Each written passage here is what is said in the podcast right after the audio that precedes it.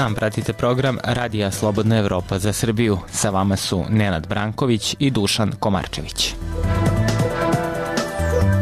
Danas je petak, 1. mart, a ovo su najvažnije vesti. Stotine ljudi na oproštaju od Alekseja Navalnog u Moskvi uprkos velikom prisustvu policije.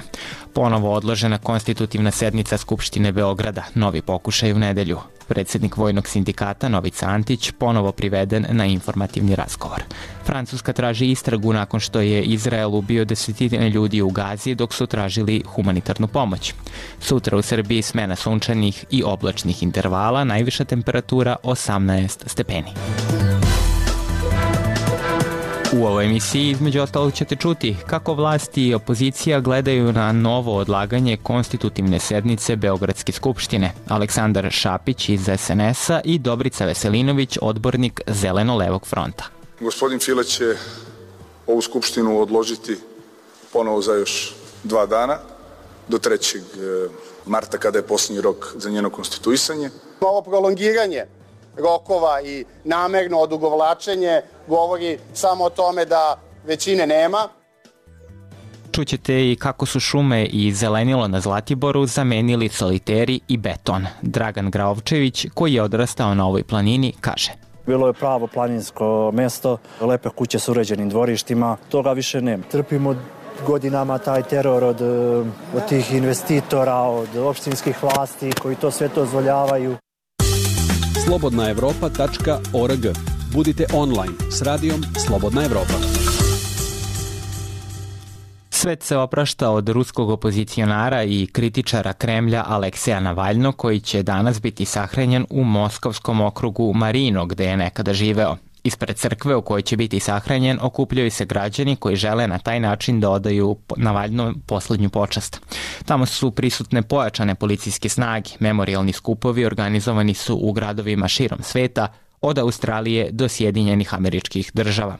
Detaljnije u prilogu Mile Manojlović. Jake policijske snage u Moskovskom okrugu Marino kod groblja Borisovsko i građani koji, uprko strahu od mogućeg hapšenja, dolaze da se oproste od ruskog opozicionara i kritičara Kremlja Alekseja Navalnog.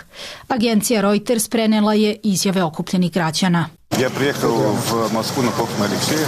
Došao sam ovde u Moskvu na Aleksejevu sahranu da odam poslednju počast. Meni je to važno. Mnogima je važno. Zato nisam video drugu opciju nego da dođem na sahranu. Ja ne mogla ni priti, потому što što što... Nisam mogla da ne dođem, jer mislim da ovom čoveku moram da odam poslednju počast. Da li ste se plašili? Mnogo smo se plašili, stigli smo rano i dugo smo stajali ovde skrivajući cveći i fotoaparate, ali sada shvatam da to treba da uradimo i progovorimo. A se da je Ruski servis Radija Slobodna Evropa prenosi da je ulaz na groblje strogo ograničen, pozivajući se na Ras News i Telegram kanal pod nazivom Možemo da objasnimo. Prethodnih dana su stotine građana širom Rusije uhapšene samo zbog polaganja cveća na improvizovane spomenike na Valjnom. Informacije o memorialnim skupovima u gradovima širom sveta od Australije do Sjedinjenih američkih država u čast Navaljnog dele se na društvenim mrežama – Navalni je preminuo 16. februara, posle godina zatočeništva tokom kojih je proveo više od 300 dana u samicama. Uskraćivana mu je medicinska nega, žalio se da je bio podvrgnut lišavanju sna i još mnogo toga. Ruski sudovi odbili su više od 40 pritužbi koje je podneo zbog navodnog zlostavljanja. Za smrt Navalnog njegova supruga Julija Navaljna direktno je optužila ruskog predsednika Vladimira Putina. It doesn't mean end of Russian opposition. To ne znači kraj ruske opozicije. Mislim da bi trebalo da bude promena taktike ruske opozicije sve dok Putinov režim ne bude postojao. Until Putin's regime exists. Rekla je u izjavi Reutersu Marina Litvinjenko, udovica Aleksandra Litvinjenka, bivšeg ruskog agenta bezbednosti, koji je preminuo 2006. godine u Londonu nakon trovanja radioaktivnim polonijumom. Litvinjenko je takođe bio kritičar Kremlja i Vladimira Putina. Evropski parlament je 28. februara usvojio rezoluciju u kojoj se za smrt Alekseja Navalnog krive država Rusija i predsednik Vladimir Putin.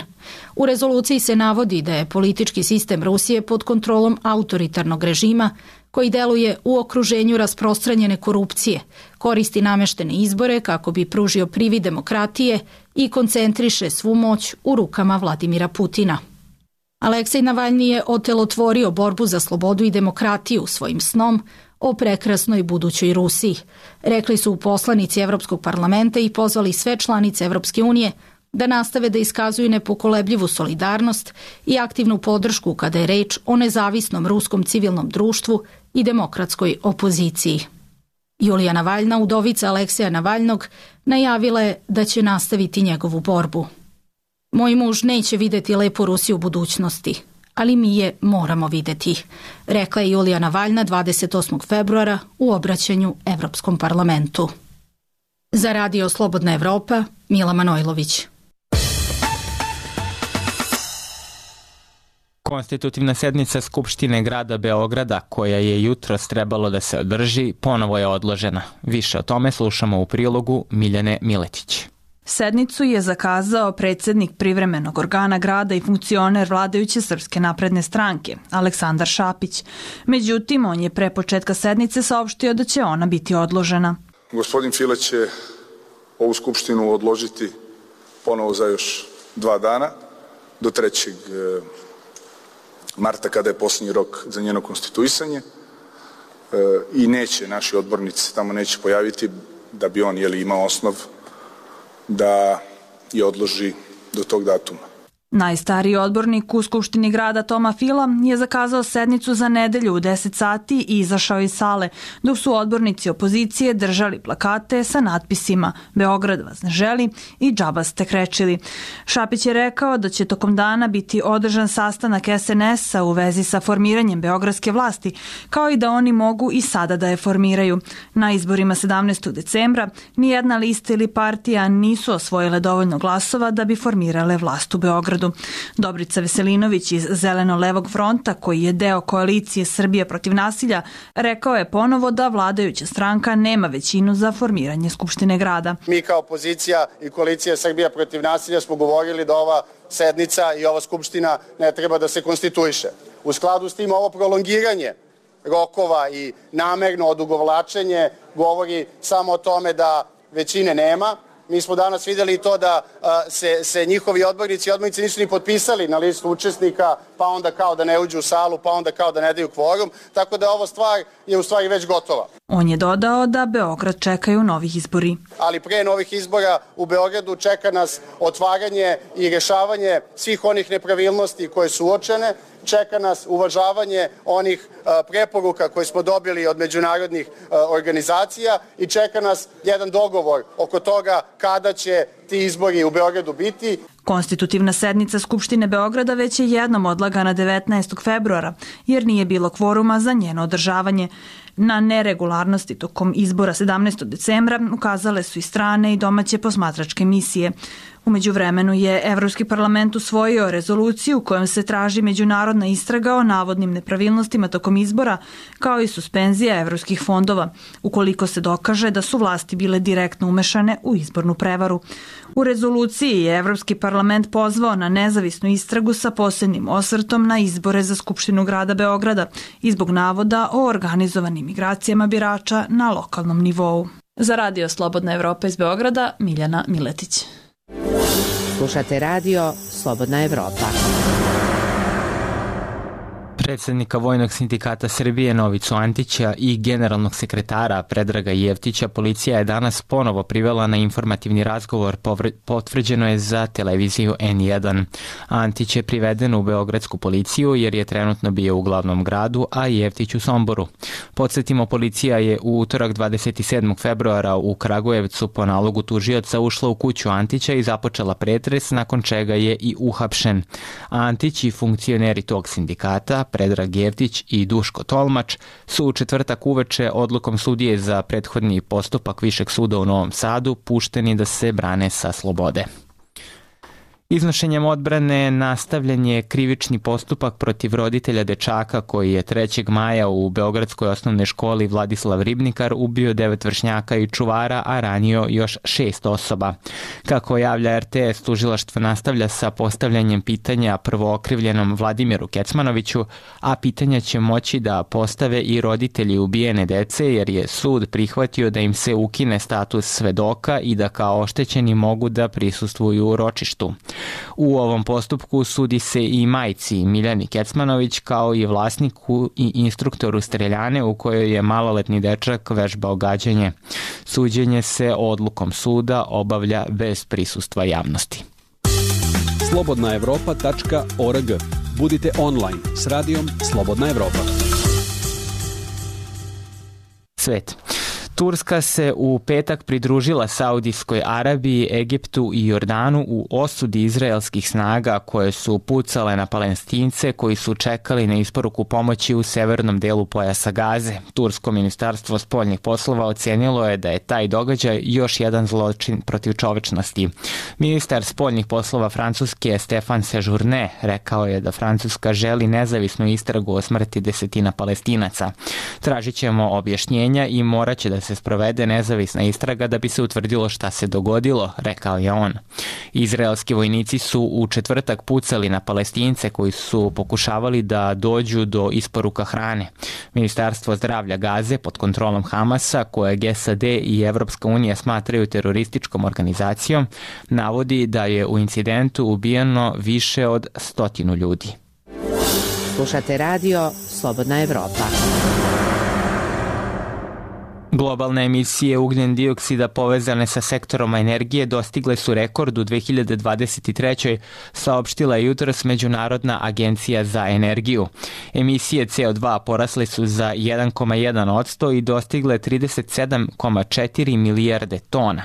Porast emisije CO2 najviše je posledica smanjenja u proizvodnji električne energije iz hidroenergije, na što su uticale suša i kineski rast, kažu u agenciji sa sedištem u Parizu. Dnevno et RSE. Pregled regionalnih i svetskih događaja dana.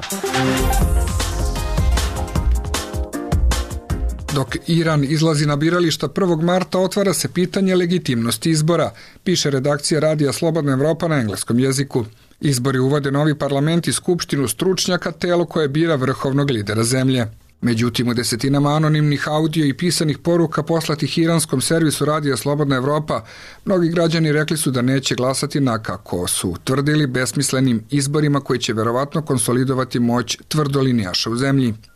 Uzorak, iako mali, naglašava izazov legitimnosti iranskog vladajućeg klerikalnog establishmenta, usred rastućih antirežimskih osjećaja koji su bili najizraženiji u uličnim protestima bez presedana koji su potresli zemlju 2022. Vi niste narodni predstavnici, rekao je Iranac u audio poruci, hoćete ljude samo za njihove glasove i ništa drugo, onda ne želite ništa da imate sa ljudima i oni su odbačeni. Drugi čovek pozvao je građane da ne glasaju za, kako je rekao, korumpirani režim kojem nije mesto ni u drevnom, ni u civilizovanom Iranu. Nije li vreme da kažem ne pogubljenjima, diktaturi i okupaciji moje domovine, Irana, dodaje čovek u audio poruci poslatoj radiju Slobodna Evropa. Vlasti u Iranu ne tolerišu bilo koji oblik neslaganja i zatvorile su brojne novinare, aktiviste i advokate poslednjih godina. Samo u Iranu 2023. pogubljeno je oko 700 zatvorenika, uključujući devet demonstranata, po informacijama Grupa za ljudska prava.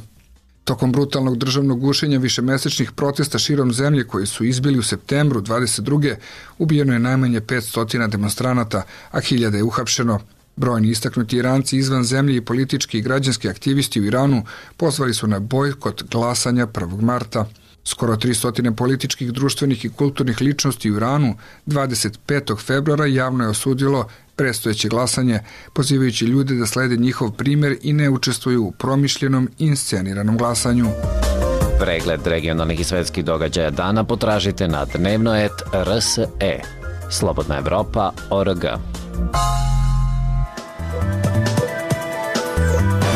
Na polovini emisije podsjećamo na najvažnije vesti. Stotine ljudi na oproštaju od Alekseja Navaljnog u Moskvi uprkos velikom prisustvu policije. Ponovno odložena konstitutivna sednica Skupštine Beograda, novi pokušaj u nedelju. Predsednik Vojnog sindikata Srbije Novica Antić ponovo priveden na informativni razgovor. Francuska traži istragu nakon što je Izrael ubio desetine ljudi u Gazi dok su tražili humanitarnu pomoć. Sutra u Srbiji smena sunčanih i oblačnih intervala, temperatura do 18 stepeni stepeni. Slušate program Radija Slobodna Evropa. Jedinstveno tržište rada Srbije, Albanije i Severne Makedonije, koje je od danas zvanično uspostavljeno, doprineće daljem ekonomskom napretku i većim investicijama u region, kao i poboljšanju kvaliteta života građana zemalja potpisnica, izjavio je ministar financija Srbije Siniša Mali.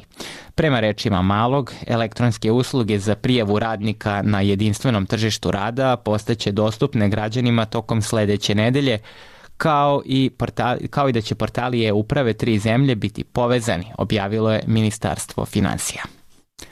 A IT industrija prolazila je kroz krizu u poslednje dve godine. Kako je to izgledalo u Srbiji i da li je ova industrija u opasnosti, slušamo u prilogu Ive Gajić. IT je veoma mlada industrija koja je intenzivno rasla u posljednjih 10 godina. Veliki broj zaposlenih, brz razvoj i visoke plate stvari su koje karakterišu ovu sferu poslovanja. Sve to je omogućavala velika potražnja i veliki broj aktivnih projekata.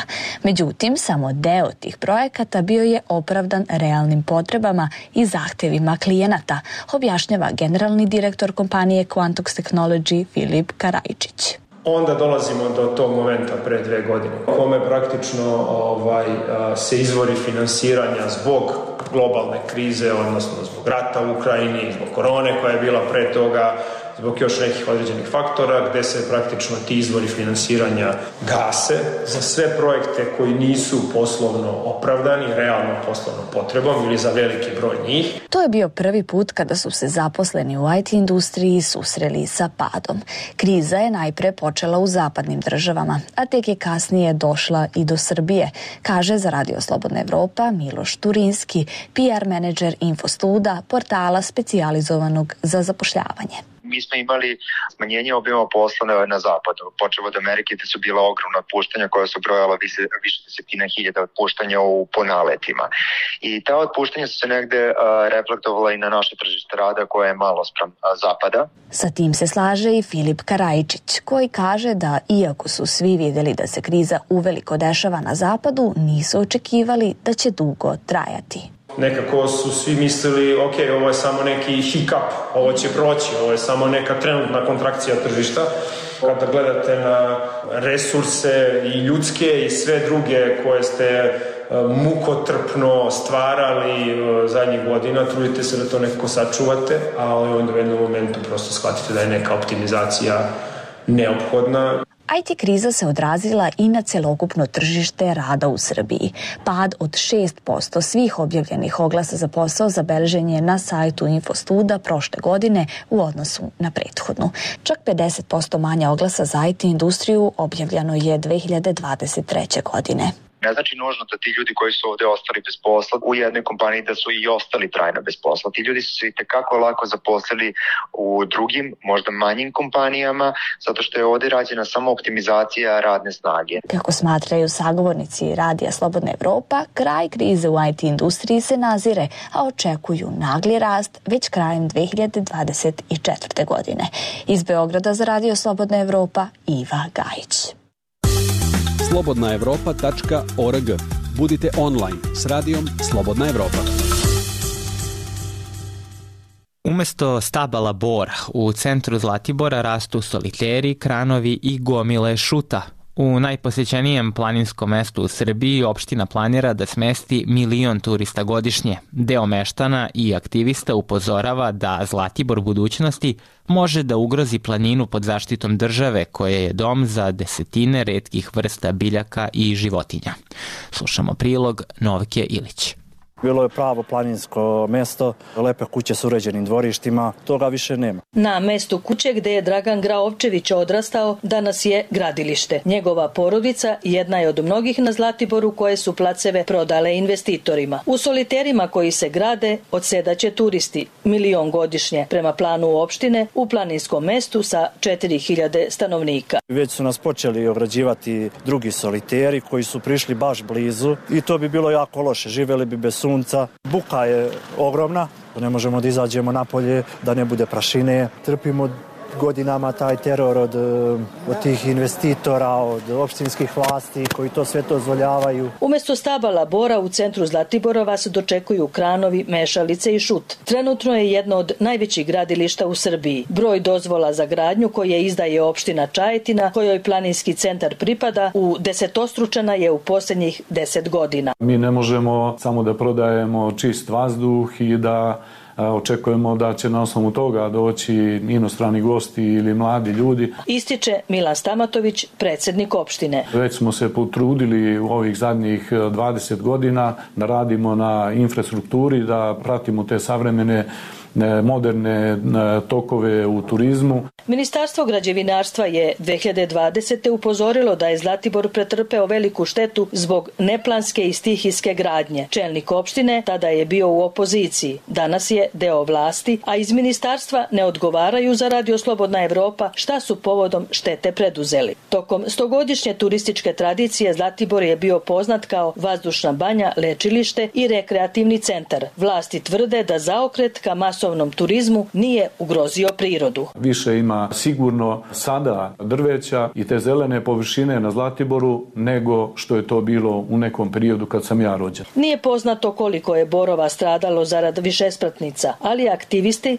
decenijama beleže seču. Vikendice i poneki hotel zamenile su višespratnice, ističe Vladan Sinđić iz udruženja Libergraf. Gradi se, da kažemo, desetine i desetine hiljada kvadrata u isto vreme. Objekti e, koji se grade su visoki po 10 spratova iznad zemlje i još nekoliko spratova pod zemljom. Ovo više liči na grad nego što liči na turistički centar. Ne postoje uslovi da se ovaj grad razvija na taj način. Mislim da je to neverovatan kič. U posljednjoj deceniji opština dozvoljava izgradnju sve većeg broja kvadrata. Broj gostiju koji dolazi, investitori koji dolaze, lanci hotela koji nam sada dolaze, demantuju sve to što nas neko zlonamerno kritikuje i kaže da smo pretvorili Zlatibor u beton. Investitori najbolje znaju šta prodaju, šta ide na tržištu, tako da se najpre prodaju te visoke etaže.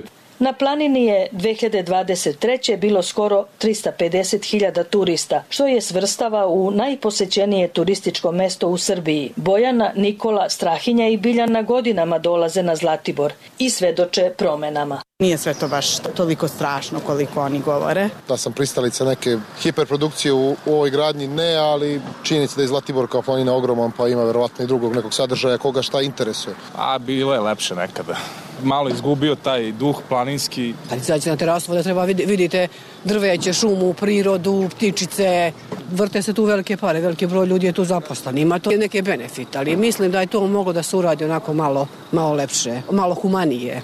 Da li se sve gradi po zakonu? U opštini kažu da investitori radove počinju uz dozvole, ali da inspekcija nema kapaciteta da kontroliše njihovo poštovanje. Prema zakonu na opštinu ove veličine ide jedan građevinski inspektor. On realno ne može da sagleda sve da obiđe to. Svaki investitor dobije građevinsku dozvolu za možda hiljadu kvadrata, a može sto hiljada kvadrata da napravi i da zaradi na tome milione evra. To je prekšajna prijava.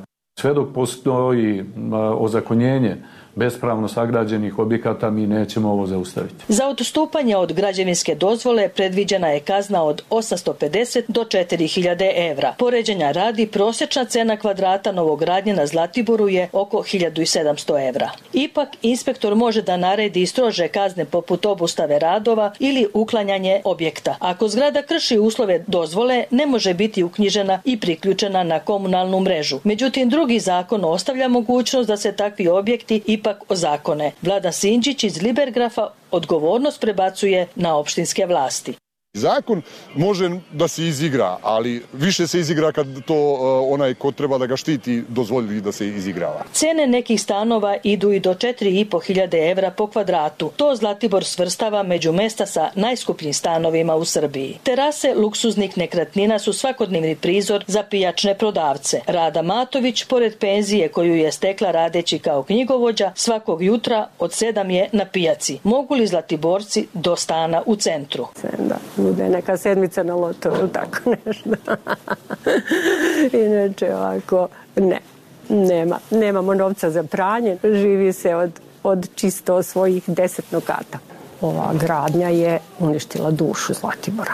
Dok čelnici opštine streme ka milionitom turisti, planovi Dragana Graovčevića sa početka priče su drugačiji. Da odem sa Zlatibora, da odem iz Srbije. Zlatibor je bio kao, kao list papira belog gde su mogli da nacitaju šta god žele i kako god hoće da Zlatibor izgleda. A oni to nisu radili. Za Radio Slobodna Evropa, Novka Ilić.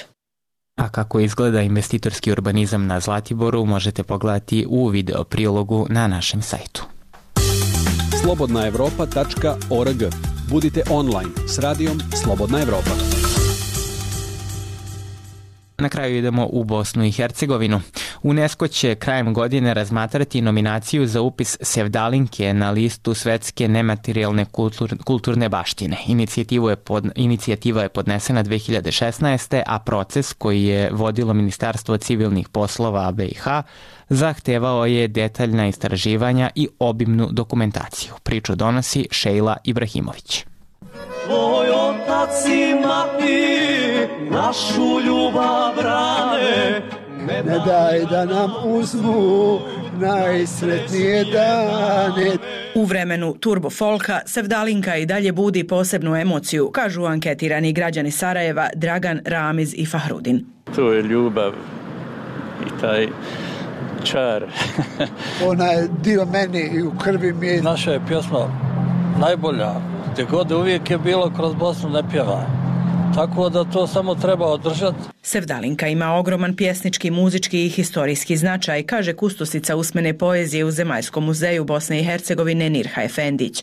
Muslimanska gradska pjesma, kako se spominje u starim zapisima i enciklopedijama, naziv je dobila krajem 19. vijeka po turskoj riječi sevda, odnosno ljubav. Iz tog perioda su i zapisi češkog istraživača Ludvika Kube, koji je u dogovoru sa tadašnjim direktorom Zemaljskog muzeja Kostom Hermanom sakupio neprocijenjivu bazu pjesama širom Bosne i Hercegovine, kaže Kustosica Efendić. To njegovo istraživanje urodilo je rezultatom od zabilježenih preko hiljadu pjesama zajedno sa tekstovima i njihovim napjevima koji su arhivirani. Priprema nominacije Sevdalinke na UNESCO-vu listu nematerijalne kulturne baštine započela je 2016. godine na inicijativu Udruženja muzičkih umjetnika iz Tuzle, prisjeća se Ramiza Milkunić, predsjednica udruženja. Uvijek smo gledali da jednu stepenicu napravimo više. Svi govore o Sevdalinci, svi je vole nekako, evo jednom riječu, puno duše brižnika o Sevdalinci i za Sevdalinku, a ništa konkretno i, i, i više od toga da se uradi.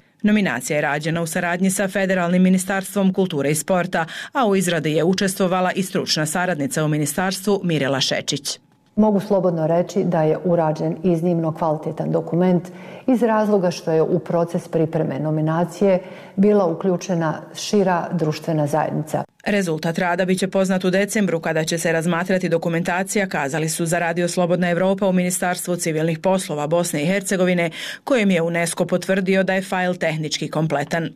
Na listi svjetske nematerijalne baštine Bosna i Hercegovina ima pet upisanih dobara, uzgoj konja lipicanera, konjičko drvorezbarstvo, branje trave i ive na ozrenu, kosidbu na kupresu i zmijanski vez. Za Radio Slobodna Evropa iz Sarajeva, Šejla Ibrahimović. Slike svakodnevnice šta muči ili inspiriše mlade kako prošle političke odluke utiču na našu budućnost. Ove i druge teme slušajte u podcastima Radija Slobodna Evropa. Sve epizode pronađite na iTunesu, Spotify, Google podcastima kao i na slobodnaevropa.org. Slušajte odmah ili preuzmite epizodu za kasnije. Tu smo svakog dana. Podcasti Radija Slobodna Evropa.